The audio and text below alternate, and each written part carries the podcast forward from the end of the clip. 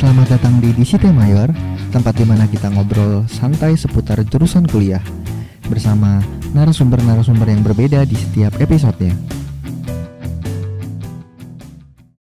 Halo, selamat datang kembali di Disite Mayor. Masih dengan saya Adrian. Dan saya Ernest. Nah, di kesempatan kali ini kita akan membahas sebuah mungkin jurusan ini belum diketahui banyak orang Betul. Dan masih dianggap remeh-temeh oleh beberapa orang. mungkin bisa disebut masih banyak. Jurusan ini adalah jurusan bimbingan dan konseling, di mana orang masih menganggap bimbingan dan konseling itu sama dengan psikologi. Oleh karena itu, pada kesempatan kali ini kami menghadirkan David Biondi Sitomorang atau Raksel sebagai narasumber yang pertama. Asik. Wuh, tepuk tangan. Biar rame podcast ya, cuy. Iya Pak, harus rame Pak, betul. Eh, selamat datang Pak Raksel di podcast kali ini. Eh, ini kita Ya, thank you. mau ngobrol eh, santai seputar eh, jurusan kuliah khususnya bimbingan konseling dan saat ini berprofesi menjadi dosen di Atma Jaya Pak. Iya, betul. Saya eh, kebetulan dipercaya oleh Unika Atma Jaya untuk menjadi salah satu pengajar di sana di program studi bimbingan dan konseling. Oke, oke, oke, oke, oke. Nah, eh, belakangan ini kan Indonesia lagi dilanda pandemik COVID-19, di mana orang-orang itu biasanya dipecat, di PHK, kerja dari rumah, terus orang-orang males karena situasi seperti ini. Tapi Bapak malah mendapatkan rekor muri kolaborasi menyanyi secara daring oleh warga satu fakultas terbanyak. Iya, betul. Itu gimana? Ngikutin ya, ngikutin infonya ya. Itu gimana tuh Pak? Eh, maksudnya proses sehingga bisa mencapai rekor muri tersebut Pak?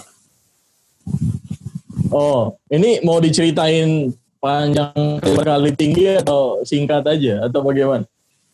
Eh, Dibebaskan, serah Bapak. ya. Dibebaskan. Waktu kami banyak. Oke. Oke, nggak usah terlalu panjang lah ya. Singkat-singkat aja lah ya. Yang intinya saja yang mau saya ceritakan. Boleh, Jadi boleh. ceritanya setelah Atma Jaya memberlakukan bahwa kita belajar dari rumah dan kami para dosen mengajar dari rumah, ada part di mana eh, setelah eh, ujian akhir semester ada waktu buat kami untuk eh, melakukan sesuatu yang sebenarnya bisa kita lakukan bersama. Waktu itu ada ide eh, yang tercetus dari Ibu Kori sebagai eh, kepala dormitori di BSD. Eh, waktu itu blasting di grup kemahasiswaan eh, bahwa sebenarnya FPB bisa melakukan sesuatu nih eh, di situasi pandemi eh, saat ini dengan sebuah nyanyian. Kira-kira Pak Raksel ada ide nggak untuk menciptakan lagu? Kata beliau eh, demikian. Nah langsung saya tangkap eh, ide yang eh, dicetuskan oleh beliau dan saat itu juga saya ambil gitar. Saya biasanya kalau nyiptain lagu itu kan eh, lirik yang kedua biasanya, nada yang utama. Jadi Oke. gaya setiap pencipta lagu berbeda. Ada yang gayanya memang dari lirik dulu baru dinadakan. Kalau saya nada dulu baru dibuat liriknya. Oke, Karena oke, buat oke. saya nada nada itu segalanya. Asik, asik. buat saya, buat saya ya. Oke, Karena oke, nada biasanya bisa disiulkan atau didengungkan Menandungkan. gitu kan. Disenandungkan gitu kan. Nggak sampai lima menit saya menciptakan lagu itu. Jadi semua clear clear sampai sampai selesai bagian pertama ref kemudian ada kodanya eh, nggak sampai lima menit. Baru saya coba terjemahkan ke dalam eh, lirik. Liriknya kurang lebih 10 menit jadi total 15 menit lah. Baru saya rekam pakai VN saya share langsung di grup dan mendapatkan respon yang cukup positif ya udah kita coba aja nyanyiin bersama-sama soalnya kalau kita lihat saat itu situasinya memang cukup banyak nih di YouTube sama di Instagram yang lagi eh, nyanyi bareng dari rumah melalui virtual. Betul. Ya akhirnya ya sudah kami coba, kami buat dan cukup banyak juga yang berkontribusi. Ada beberapa dosen, ada beberapa alumni dan beberapa mahasiswa. Selesai kami launching di akhir Mei. Ternyata 10 hari kemudian kami mendapatkan apresiasi dari Muri. Karena eh, lagunya mungkin ya, esensi lagunya itu merupakan doa, doa buat bangsa dan itu curahan hati buat kita semua. Yang notabene semua yang ikut bernyanyi di situ kan eh, berasal dari suku yang berbeda, agama yang berbeda, asal Iya, daerah iya, yang iya, berbeda, ya usia yang berbeda, gendernya juga Ah, eh, apa diwakilkan kan. Jadi itu merupakan apa ya sebagai perwakilan Indonesia sebenarnya bineka tunggal ika. Nah dari situ berangkat dari situ akhirnya kami masuk kategori eh, penyanyi daring eh, terbanyak se sefakultas. Dengan Oke. lagu Bagi Bangsa. Oke oke. Itu berarti untuk proses mendapatkan rekor muri itu eh, mendaftarkan dulu ya, Pak ya? Berarti kan? Iya betul. Saya iseng-iseng sebenarnya. Saya iseng-iseng setelah launching tuh dua hari tiga hari saya iseng aja Eh, kirim email ke Muri. Ternyata dapat tanggapan langsung 10 10 Juni. Oh, Langsung iya langsung oke. oke. siap. Terus itu rekornya itu eh, berarti untuk Bapak pribadi atau maksudnya gimana, Pak? Untuk fakultas. Oh, untuk fakultas. Iya, kalau di websitenya memang eh, diberikan keterangan bahwa lagu ini diciptakan oleh siapa. Oke. Jadi ya masuk ke dalam eh, apa ya buku Muri juga kalau itu dicetak. Karena kan per periode mereka akan mencetak buku Muri. Hmm, iya iya iya iya iya. iya. Wah, salut banget sih pak, saya pak. Keren lah, membanggakan fakultas juga. Iya Eh, betul. Terus ya berusaha memproduktifkan diri gitu meskipun sedang kondisi seperti ini. Yes. eh ya bapak juga sebelumnya itu juga em, jadi vokalis ya pak dari band Jakarta Bombles. Jakarta Wah, Bombles. kok tahu? Tahu dari? Itu kayaknya cukup terkenal gitu di Jakarta pada masanya, pada masanya pak. Pada masanya ya. Aduh, sekarang mah yang terkenal Fish gitu pak, Wis, anak indie pak. Iya betul betul betul. Betul betul. betul. Dengan genre popang. Iya iya. iya. Emang ada ketertarikan pak untuk eh, di genre popang tersebut pak? Wah dari dari kapan ya? Dari lulus SMP kalau nggak salah. Saya terinfluence ketika eh, saat itu SID lagi naik-naiknya. Pang hari ini, pang hari ini mengubah segalanya tentang selera musik saya saat itu. Hmm. Waktu itu sih saya agak ke pop rock ya. Dan saya sangat silageng waktu waktu Silageng. SD. ya. Setiap lagu Silon Seven pasti saya hafal karena tujuannya dulu waktu SD saya udah kenal cinta-cintaan, lagu-lagunya bisa saya pakai untuk Wow. modusin cewek sih sebenarnya.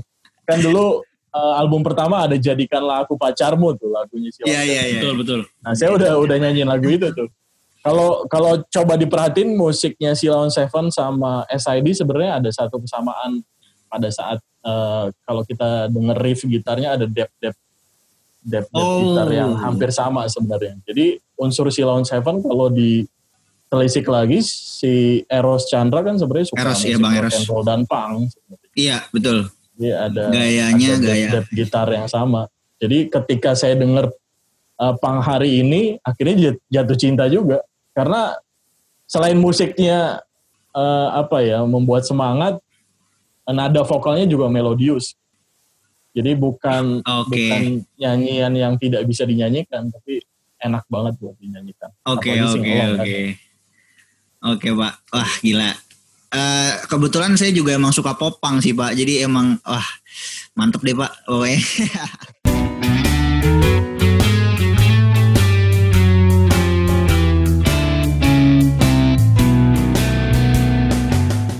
Eh, sebelumnya Pak Raksel itu memang mau masuk kuliah itu memang sudah wah kayaknya jurusan bimbingan konseling menarik nih. Atau seperti apa Pak dulu latar belakang sebelum masuk kuliah gitu, memilih jurusan bimbingan konseling?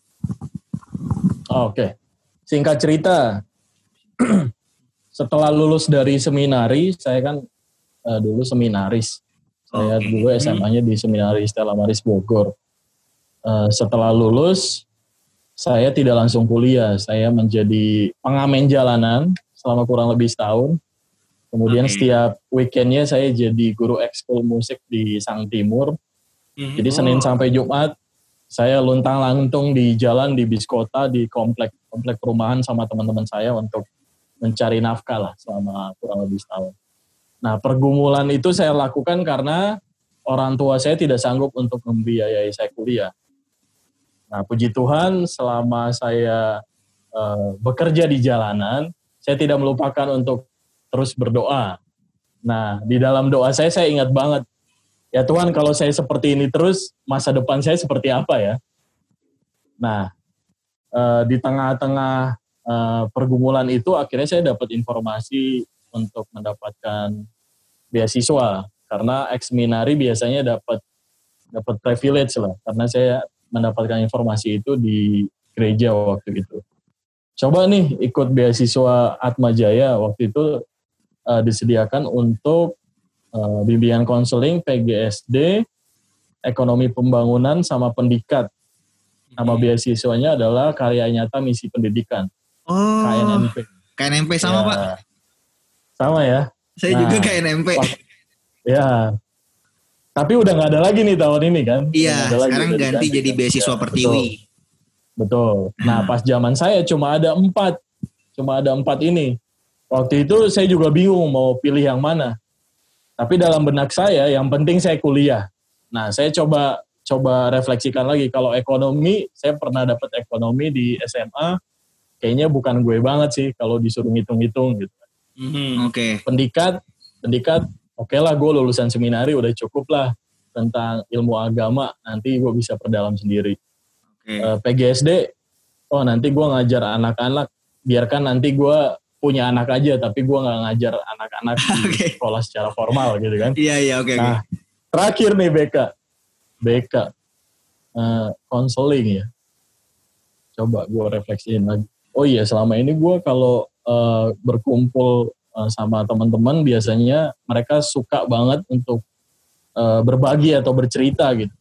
Dan dari dulu saya dikenal sebagai orang yang suka mendengar kayaknya lebih cocok ini deh dibanding yang lain nah akhirnya apply lah BK nah singkat cerita karena bersyukur bersyukur akhirnya eh, apa ya merasa bahwa doanya terkabul wah kayaknya masa depan gue nggak suram-suram amat nih bisa Oke. kuliah S1 gratis lagi kan Iya, dan saat betul. itu dapat uang saku uang saku per bulan satu juta lumayan banget kan Wow. Wah, iya, iya, lumayan iya. banget ya, Iya, iya. lumayan banget nah karena ungkapan syukur itu harus dilakukan dalam bentuk apa ya upaya behavior yang positif saya akhirnya belajar dengan dengan apa dengan rajin. Nah singkat cerita tiga setengah tahun saya lulus dan akhirnya dapat eh, cincin cum laude lah sebagai lulusan Wih. terbaik.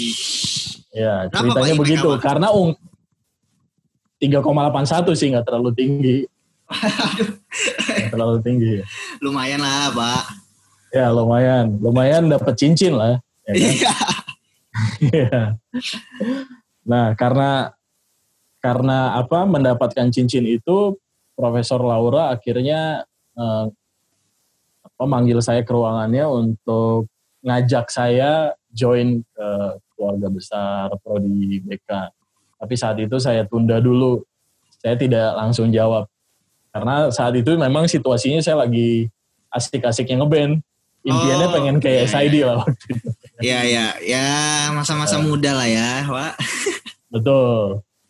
Ya, karena saya di invite saya akhirnya ngomong ke orang tua. Nah, orang tua kan eh, pasti senang lah. Orang tua mana pun di dunia ini kalau dengar anaknya, wah gila Iya, lu iya. di invite jadi dosen. Iya. Kali Wah, lu nggak mau gitu kan, Parah, parah. ya kan? Nah itu. Karena saya lihat juga raut wajah kebahagiaan orang tua saya, akhirnya saya mulai untuk eh, menjawab uh, invitation itu walaupun setahun gitu kan. Akhirnya Oke. saya coba jawab, saya coba bergabung. Lama-lama panggilan itu dimurnikan loh sama Tuhan. Oh iya pak. Akhirnya saya ya saya saya coba kaitkan dengan impian saya masa lalu yang ingin jadi pastor tapi nggak jadi gitu kan. Mhm. Wah. Oke. Iya. Karena kalau jadi pastor kan sebenarnya perwakilan Kristus di dunia. Kristus itu sebagai guru dan gembala. Nah, kalau jadi dosen kan sama seperti guru dan gembala sebenarnya. Iya. Kami Menggembalakan mahasiswa. eh, para mahasiswa betul. kan. Nah, akhirnya ya seiring berjalannya waktu akhirnya saya sangat mencintai profesi ini menjadi dosen. Itu dia. Sampai akhirnya saya punya beberapa achievement yang cukup bisa membanggakan sih sebagai dosen muda. Termasuk dosen muda ya bapak. Iya Lulus dong. langsung lulus Iya. langsung ditarik jadi dosen wah gila. Iya betul. Iya betul. Lulus di tahun 2012, 2013 langsung jadi dosen. Iya betul. Dan 2013 setelah itu nggak lama Bapak mendapatkan beasiswa dari kampus untuk melanjutkan S2. yes langsung melanjutkan S2 tahun 2015-nya ya. Jadi dua tahun saya eh, menjadi dosen tidak tetap paruh waktu waktu itu PKWT. Oh. KWT. Oke. Tidak bisa diangkat tetap karena belum S2. Oke. Pak ini eh, saya sering kali mendapatkan beberapa perspektif dari orang-orang. Orang-orang tuh sering kali belum bisa membedakan BK dan psikologi. Oh, Oke. Nah, menurut pendapat Bapak sendiri sebagai dosen, apa Hmm. bedanya Pak? Bimbingan konseling dengan psikologi. Iya pak. Sama-sama belajar sama-sama belajar psikologi Betul. pak. Cuman bedanya Betul. itu secara rinci di mana gitu pak. Oke. Kita bahas pelan-pelan aja ya. Oke pak silahkan pak. Hmm. Bedanya BK dengan psikologi. Ya. Kalau ngomongin soal BK, BK itu sebenarnya applied science dari psikologi. Applied science secara khusus di psikologi pendidikan. Makanya dulu nama BK adalah psikologi pendidikan dan bimbingan. Coba aja coba kalian. Oh oke Ya, ilmu baru. PPB namanya, psikologi pendidikan dan bimbingan. Jadi Oke, BK itu eh, nama lain dari PPB, Mhm. psikologi pendidikan dan bimbingan. Ada beberapa univ yang sampai sekarang masih menggunakan nama psikologi pendidikan dan bimbingan. Di UPI sama di UNESA kalau nggak salah, kalian bisa Hmm. cek nanti ya. Jadi mereka masih menggunakan jurusan psikologi pendidikan dan bimbingan. Yang di bawahnya nanti ada program studi BK dan program studi psikologi pendidikan. Oh jadi ada program Ya. studi psikologi pendidikan juga ya Iya di betul. bawahnya. Oke. Iya. Kemudian pak. Nah, ngomongin ngomongin soal bedanya, bedanya itu kalau kita ngomongin soal apa yang dipelajari, sebenarnya yang paling khusus di BK adalah eh, esensi dari pedagogi, ilmu pedagogi. Ilmu pedagogi ini yang nggak dipelajari di Fakultas Psikologi.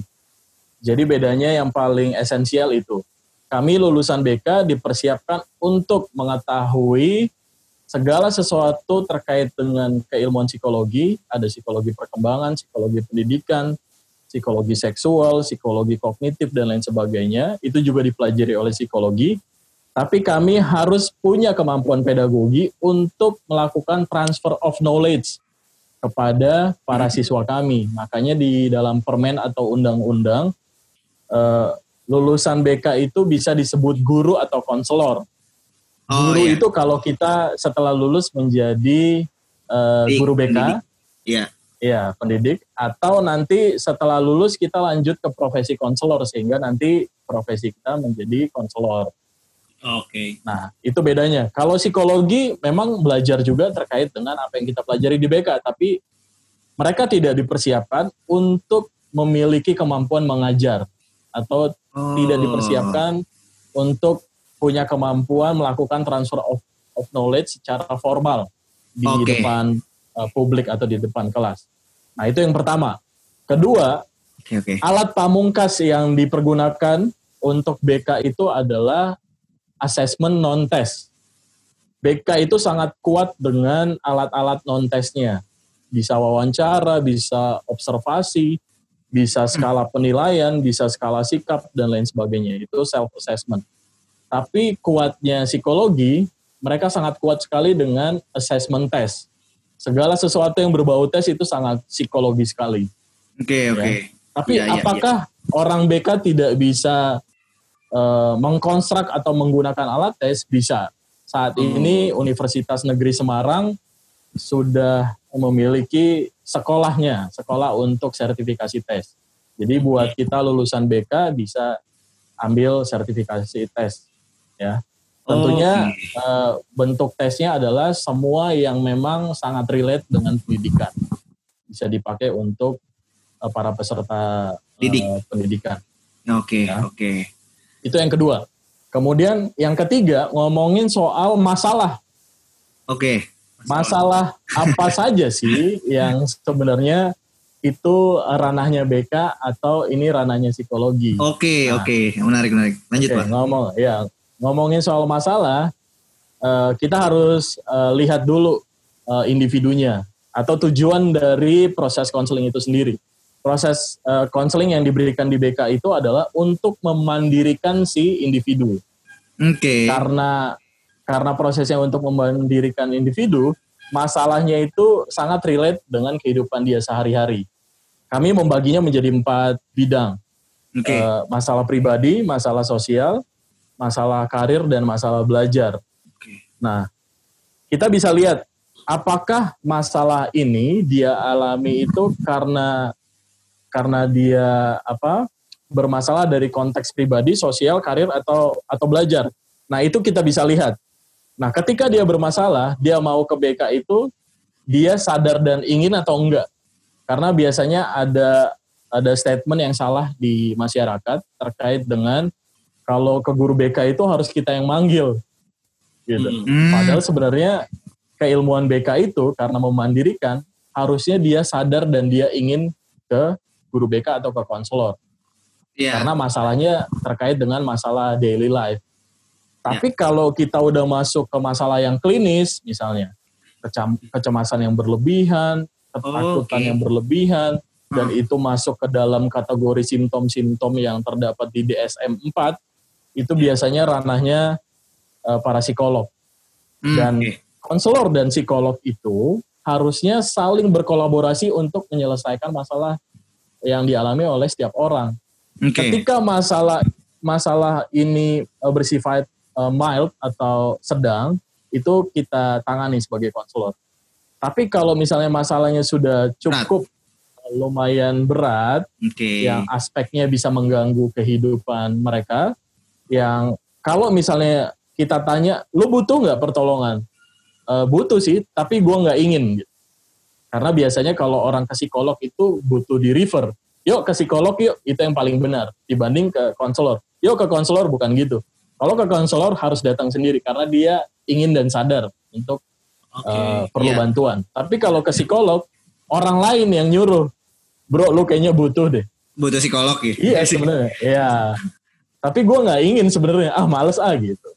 Mhm. Nah itu yang membedakan. Itu tiga hal penting yang membedakan. Nah kalau ngomongin soal nanti jadi konselor, jadi psikolog, dan satu lagi jadi psikiater itu apa bedanya? Nah, iya Pak. Apa tuh Pak? Iya itu dia. Karena tiga tiga profesi ini sebenarnya saling bersinergi dalam eh, aspek kehidupan eh, manusia. Hmm, Ya. hmm. Kalau konselor itu biasanya memang wajib eh, orang yang lulus dari S1 BK yang nantinya dia harus ngambil profesi konselor. Oke. Kalau psikolog wajib S1-nya psikologi biar nanti ngambil profesi eh, psikolog.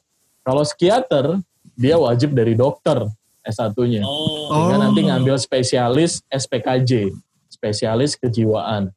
Nah ini juga step by step tuh permasalahannya. Kalau permasalahannya udah klinis banget dan mengganggu kehidupan dia Hmm. Dan perlu penanganan lebih lanjut eh, dengan kata lain perlu pengobatan, Iya. harus di refer ke psikiater.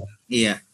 Nah, perlu di refer ke psikiater biar dia but, apa mendapatkan penanganan terkait dengan obat. Biasanya orang-orang yang sangat berat di insomnia karena memang tidak bisa tertolong dengan proses konseling biasa, dia butuh dibantu dengan obat. Iya. obat penenang betul. atau obat tidur. Dan itu tidak sembarangan diberikan harus oleh orang yang Hmm. memang di bidangnya yaitu psikiater. Nah ngomongin soal ke mana kita harus pergi ke konselor, psikolog atau psikiater, betul. monggo direfleksikan. Sebenarnya kalian harus sadar dulu masalah kalian tuh seberat apa sih? Atau masalah kalian sebenarnya sejauh eh, daily life tadi terkait dengan empat bidang.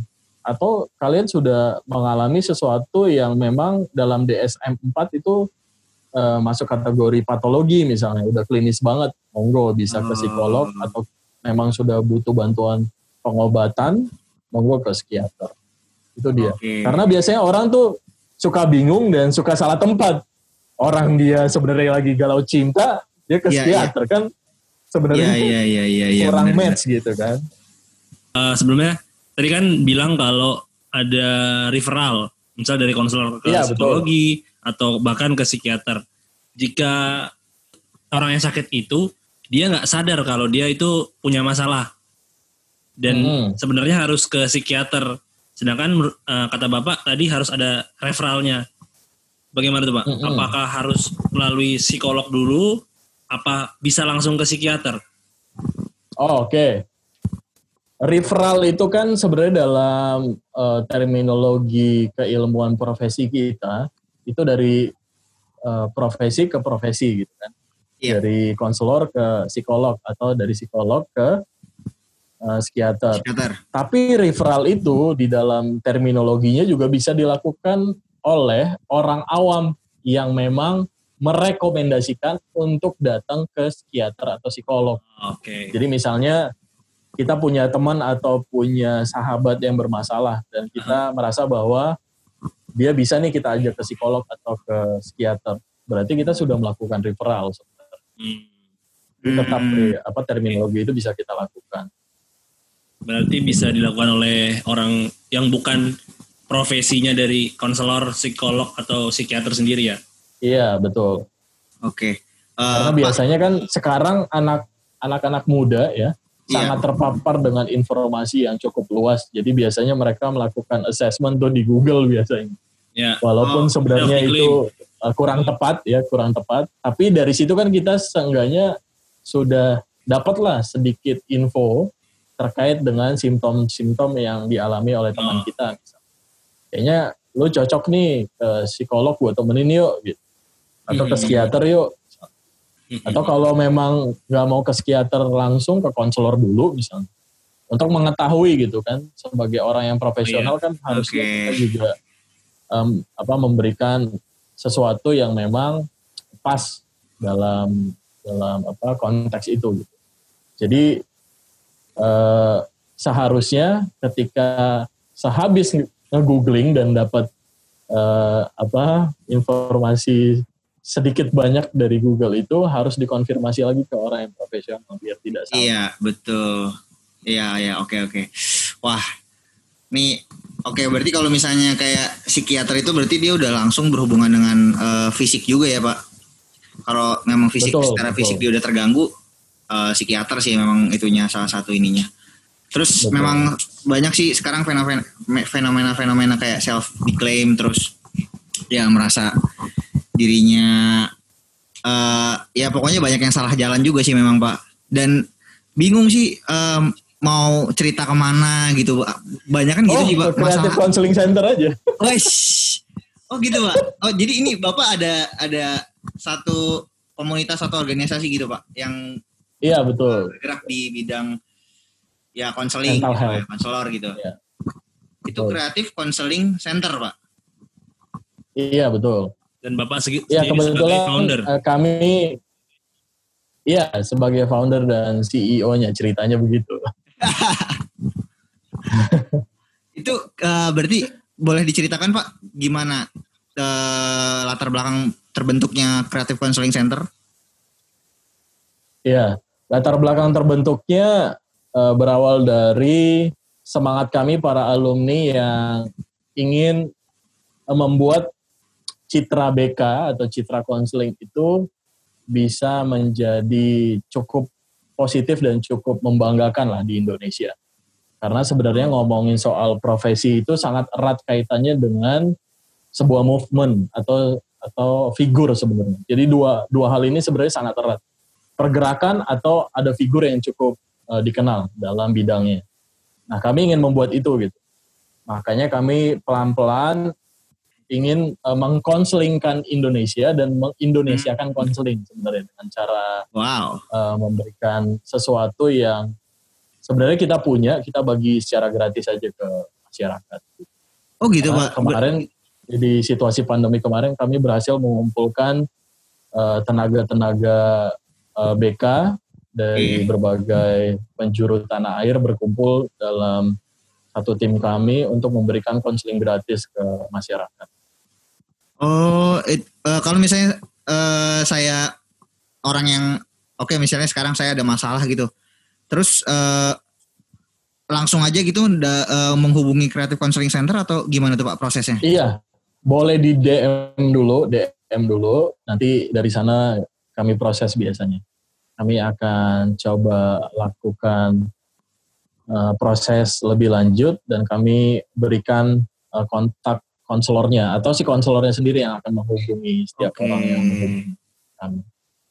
Oke oke oke.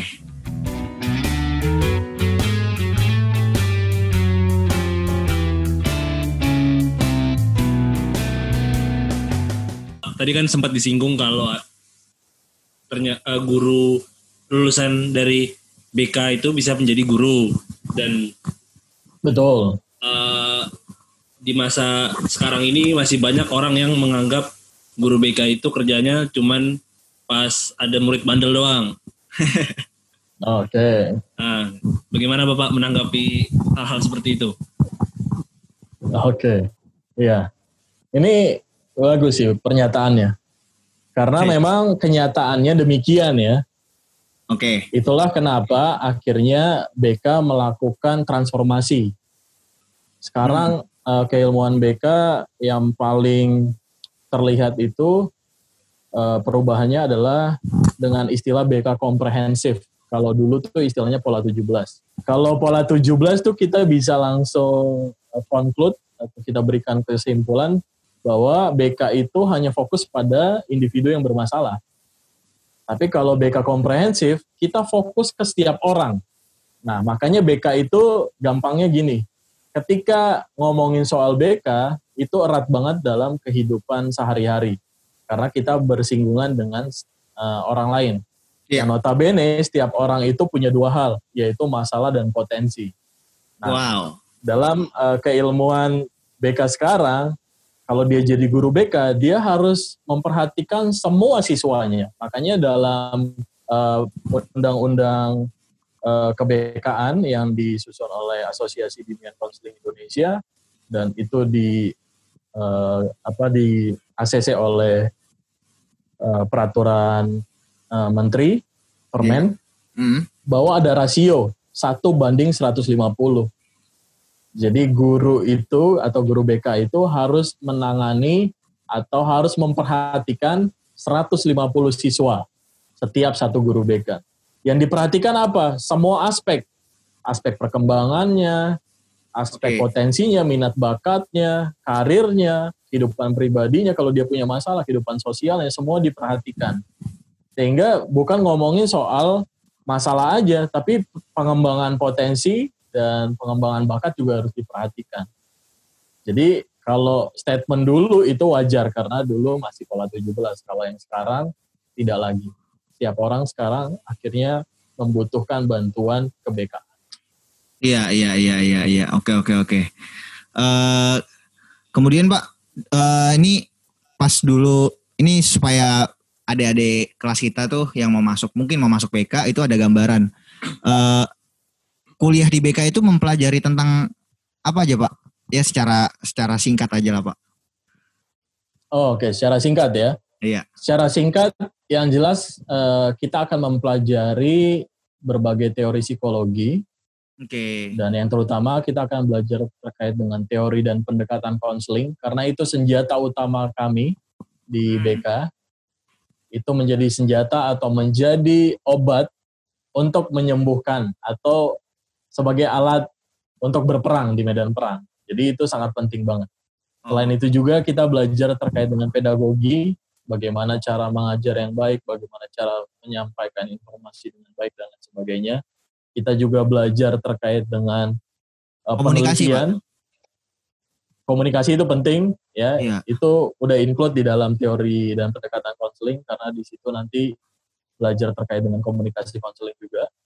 Iya, iya, iya, iya. Kemudian yang paling membedakan eh, BK dengan ilmu pendidikan yang lainnya karena erat sekali dengan psikologi, jadi penelitiannya juga cukup kuat. Jadi belajar metodologinya juga cukup dalam. Hmm. Cara konstruksi alat ukur bagaimana, kemudian kalau kualitatif itu seperti apa kita melakukannya, kalau kuanti bagaimana, kalau mix method bagaimana, kalau action reset itu bagaimana. Makanya ada PTBK, itu menjadi kekasan BK juga yang Oke. membedakan dengan apa jurusan pendidikan yang lainnya. Kemudian Iya, kita iya, iya. juga belajar eh, belajar tentang ilmu-ilmu lain di eh, pendidikan itu sendiri. Misalnya teknologi pendidikan kita belajar. Oke. Kemudian eh, manajemen pendidikan juga kita belajar. Jadi sebenarnya cukup banyak sih yang dipelajari dan itu sangat bermanfaat walaupun kita nanti misalnya nggak jadi guru BK. Oke. Hanya Ah. lulusan BK itu selain jadi guru BK bisa jadi apa pun, menjadi versi terbaik buat dirinya itu yang penting. Iya, iya. Wah, menjadi versi terbaik dari dirinya. Oke. Eh menarik banget, Pak. Eh berarti yang masuk BK itu udah pasti orangnya bisa mengkonseling orang lain atau enggak juga kayaknya ya, Pak ya? Enggak, justru yang masuk BK itu sama sekali nggak tahu apa-apa sebenarnya. Tapi dia punya punya panggilan mungkin ya, punya panggilan untuk menjadi seorang helper atau menjadi seorang penolong. Makanya dia masuk BK. Walaupun ada beberapa di antaranya memang kecemplung juga sama seperti saya. Tapi percaya nggak percaya, ketika nyemplung itu akhirnya eh, termurnikan kok panggilannya. Oh iya ya, sebenarnya gue nggak salah eh, jurusan kok. Karena waktu itu juga ada mahasiswa saya yang pakai baju salah jurusan. Barusan saya mentertawakan hal itu, Pak. Mahasiswanya kreatif tapi banget nih, akhirnya ya tapi akhirnya dia sadar iya masuk BK itu bukan bukan apa konteksnya nanti gue jadi guru BK atau jadi konselor walaupun itu tidak sesuai dengan jalan panggilan gue tapi di tempat ini gue menemukan siapa diri gue gue akhirnya mengenal lebih dalam tentang diri gue gue mau apa ke depannya. Gue jadi lebih bisa mengeksplor potensi gue sebenarnya kan itu yang penting Oke. masuk Ya, sehingga setelah lulus dia menjadi versi terbaik buat dirinya dari diri. Iya, iya, iya, iya. Berarti eh, apa pun jurusannya selama kita menyadari potensi dalam diri kita dan kita bisa mengem- mengembangkannya itu sah-sah aja itu dan dan Yes, nggak salah jurusan gitu kan, Pak ya. Betul, betul. Nggak salah jurusan. Pak Raksel sendiri punya nggak sih uh, role model sendiri dalam menjalani kehidupan di bidang konseling khususnya? Bidang konseling ya, saya sangat jatuh cinta dengan tokoh eh, Freud sebenarnya. Itu salah satu tokoh eh, psikoanalisis yang secara tidak langsung menjadi founding fathers dari semua pendekatan. Karena dari beliau itu akhirnya muncullah pendekatan-pendekatan yang lain. Kalau kalian baca biografinya, baca karyanya itu sangat luar biasa sih menurut saya.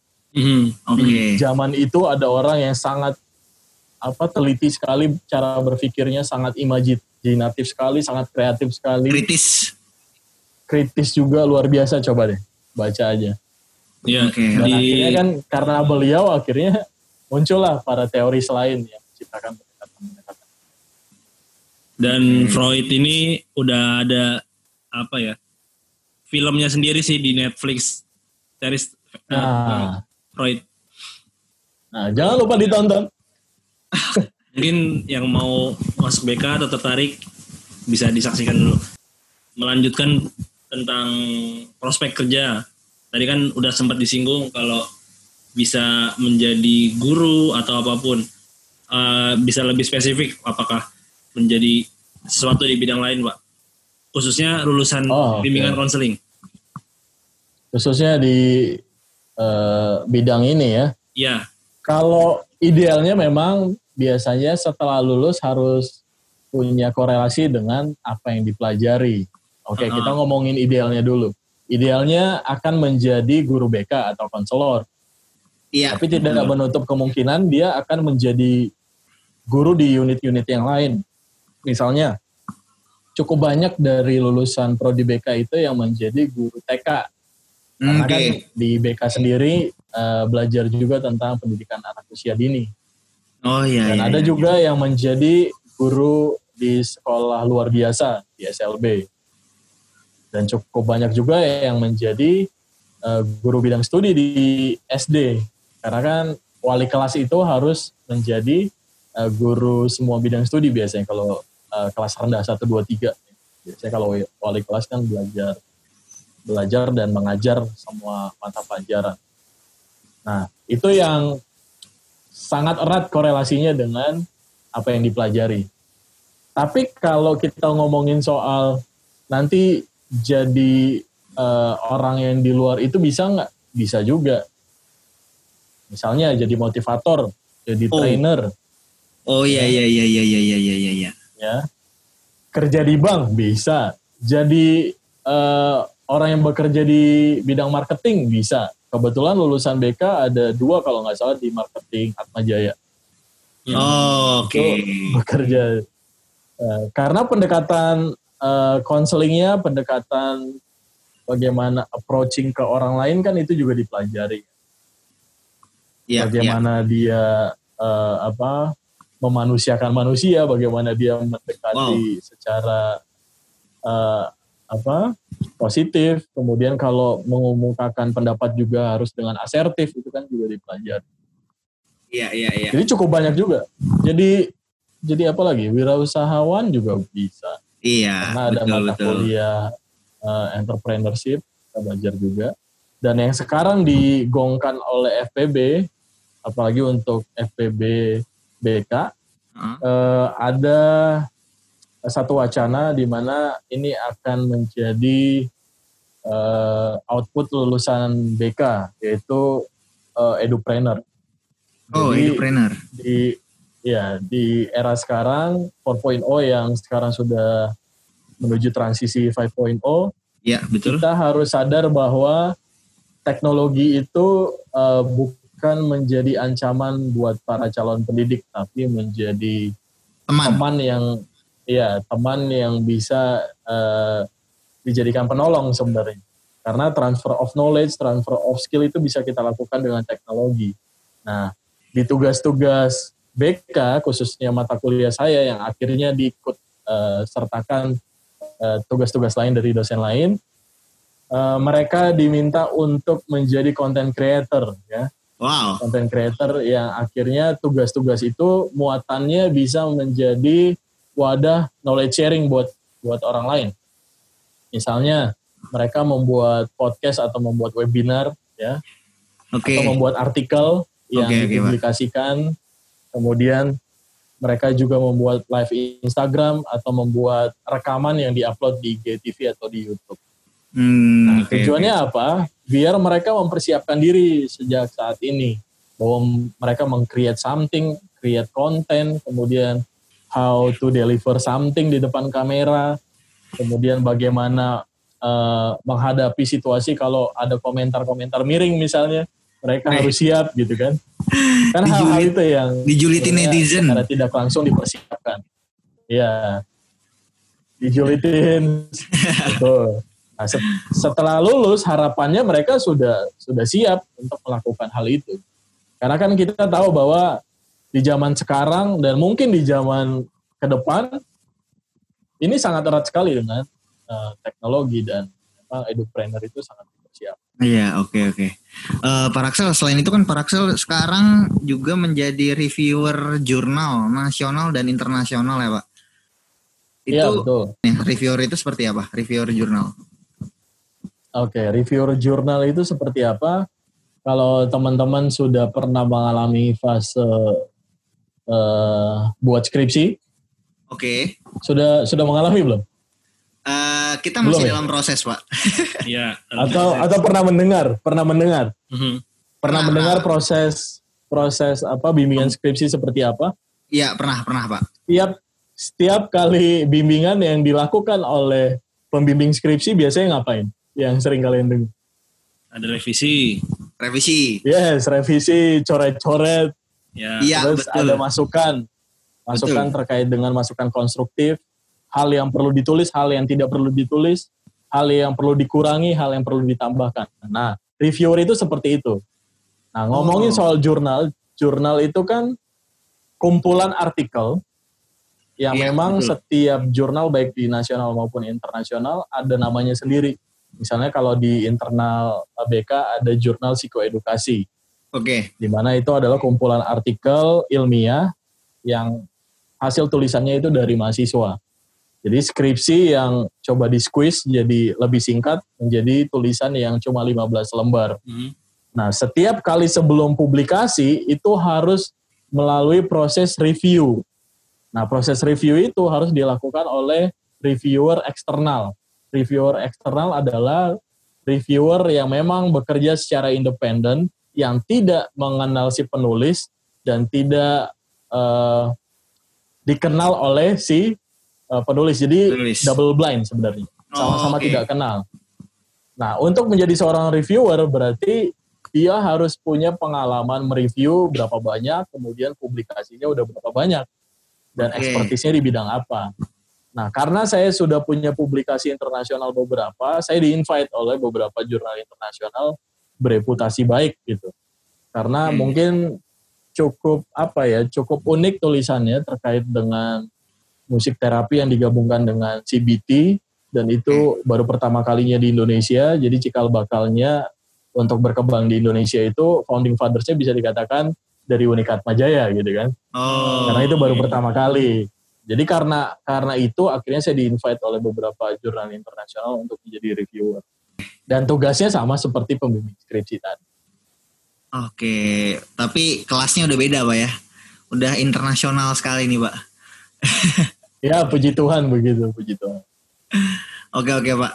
Eh eh, kemudian selain eh, tadi me- menca- mendapatkan rekor muri, itu kegiatan bapak di rumah tuh selain itu apalagi pak sekarang pak kesibukannya sekarang? Biasanya saya memang membagi 24 jam saya itu dengan eh, tiga, tiga kuadran.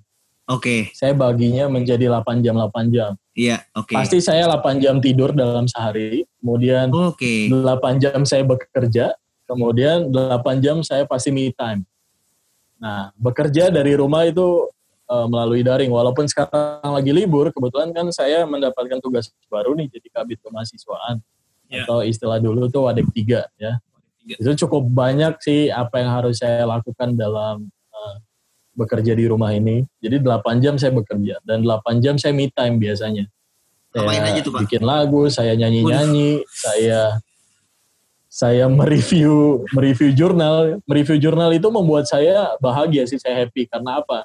Saya mendapatkan bacaan baru yang akhirnya menambah pengetahuan saya. Itu termasuk me time saya. ya mungkin terakhir pak, ini pesan ya pesan-pesan untuk generasi muda Ya. sekarang ke depannya apalagi ketika menghadapi situasi eh, saat ini nih pak, situasi di saat pandemi ini, apa kira-kira pesan dari bapak gitu? Ya. Atau apa yang mau Bapak sampaikan? Pesan-pesan. Ya, Eh kita kan nggak mau ya eh, berada di situasi seperti ini karena ini situasi yang mau tidak mau kita terima. Kita tidak bisa mengubah keadaan, tapi yang bisa kita ubah adalah cara berpikir kita dan cara kita menerima ini semua dengan konsep berpikir yang seperti apa. Oke, Nah, Oke. kalau kita mengubah keadaan itu kan cukup sulit, tapi yang perlu kita ubah adalah cara pandang kita menghadapi situasi ini. Nah, tetaplah positif, berpikirlah positif bahwa situasi ini memang ada bukan karena tujuan yang negatif, mungkin Tuhan juga punya tujuan yang positif, itu harus kita fokuskan juga. Kemudian coba lakukan sesuatu yang sebenarnya selama ini kita belum pernah lakukan. Oke, Karena situasi ini adalah situasi di mana kita bisa melakukan sesuatu yang sebenarnya dari dulu pengen kita lakuin tapi kayaknya gue nggak cukup waktu deh. Ini situasinya pas banget. Coba kalian refleksikan. Apakah kalian selama sebelum pandemik ini, Hmm. ya sebelum pandemik ini, kalian melakukan sesuatu yang sebenarnya pengen kalian lakukan tapi belum kalian lakukan. Tapi Hmm. pada saat ini banyak banget waktu buat gue lakuin tuh. Oke. Nah, lakukan hal itu, keluarlah dari zona nyaman kalian dan cobalah menjadi versi terbaik buat dari apa diri kalian sendiri. Saya yakin kalian bisa. Buktinya Oke. cukup banyak yang sudah melakukan hal itu. Oke oke. Wah, ini eh, pesan yang cukup menyentuh juga buat anak-anak muda zaman sekarang juga ya, anak-anak muda yang ya sekarang banyak yang stres juga akhirnya di rumah bingung mau eh, ngapain gitu ya. Tapi berarti yang saya tangkap tadi ya cara berpikir kita yang harus dirubah dan Betul. Eh, ya kita harus berpikir sekreatif mungkin, sekritis mungkin untuk melakukan apa pun itu yang bisa kita lakukan gitu kan sekarang Pak dalam kondisi apa pun. Betul. Ah oke. Eh, Bapak punya quotes atau eh, apa gitu kata-kata mutiara dari yang dari Bapak sendiri atau misalnya dari orang lain itu ada atau enggak Pak? Eh, quotes saya yang paling paling saya ingat kali ya karena cukup banyak saya menulis quotes juga oke. ya. Oke. ini nggak sombong loh, ini serius. Tapi banyaknya lah. jadi lupa. Iya ya. Adrian mukanya udah beda, wah sombong nih. Pak. Pak, so- sombong nggak apa-apa Pak kalau berprestasi beneran mah Pak. Sombong Oh, nggak iya, apa-apa iya, bener, kalau emang begitu adanya. Apa tuh Pak? Oke. Ini ngomongin karya karena kan kita memang sebagai anak-anak muda saatnya kita berkarya kan. Jangan sampai pas udah tua kita agak menyesal karena waktu mudanya kita nggak habiskan nggak ngabisin waktunya buat berkarya, tapi buat foya-foya. Nah ini erat kaitannya dengan karya sih. Karena pesannya ini kan untuk anak muda. Nah, orang boleh mengaku dirinya hebat, namun kalau dia tidak memiliki karya, maka dia akan ditelan sejarah dan tidak menjadi apa-apa. Jadi sekecil apa pun karya kita, ya sekecil iya, apa pun karya kita, ketika kita nanti tidak ada di dunia ini, Iya. karya kita yang menjadi wakil dari diri kita. Karena karya itu yang abadi. Mungkin nyawa kita tidak abadi, tapi karya kita yang akan. saya merinding Pak dengernya Pak. Nah kalian kan berkarya nih di podcast, saya sangat apresiat banget. Dan mudah-mudahan kalian konsisten di Amin, amin ini. Pak. Terima kasih Pak. Iya, iya, iya. Berarti sekecil apa pun eh karya yang Karya kalian. sekarang sekarang ini adalah eh, perwakilan dari kita di masa depan gitu ketika kita udah nggak ada. Jadi betul. apa pun itu Yes. karya kita, ya lakukanlah dengan sepenuh hati gitu kan Pak ya. Yes, Eh, betul. wah itu Jujur, ya jujur. Jujur, keluar ya. dari hati kalian. itu eh, menjadi suatu refleksi juga buat saya dan Adrian dan mungkin teman-teman yang dengerin podcast ini. Dan Yes. terima kasih banyak Pak Dominikus David Raxel Biondi Situmorang. Wah, panjang juga namanya ya, Pak. Ya sama-sama. Terima kasih juga Ernest dan Andri Ya, terima sudah kasih telah mau berbagi. ngobrol-ngobrol malam hari ini. Iya, betul, Pak. Di boleh di-follow Instagramnya Pak Raxel apa, Pak? Instagramnya, Pak? At Raxel Biondi. Kayak Raxel Biondi. Oke. Terus eh, tadi Creative Counseling Center juga ada Instagramnya atau enggak, Pak? Iya ada, ada. Oh, pokoknya at- Nanti silakan diklik, diklik aja di bagian bio saya. Jadi biar Oke, oke, ada di at bionya. Creative Counseling Center. Ya ada, ada di bio bionya. Pak Raksel ya teman-teman ya. Oke, eh sekali lagi terima kasih Pak Raksel. Eh, saya Ernest. Dan gue Adrian. Terima kasih atas kesempatan kali ini. Eh, kita akan berjumpa lagi di episode berikutnya. Sama-sama. Sama-sama. Bye bye guys. Bye-bye.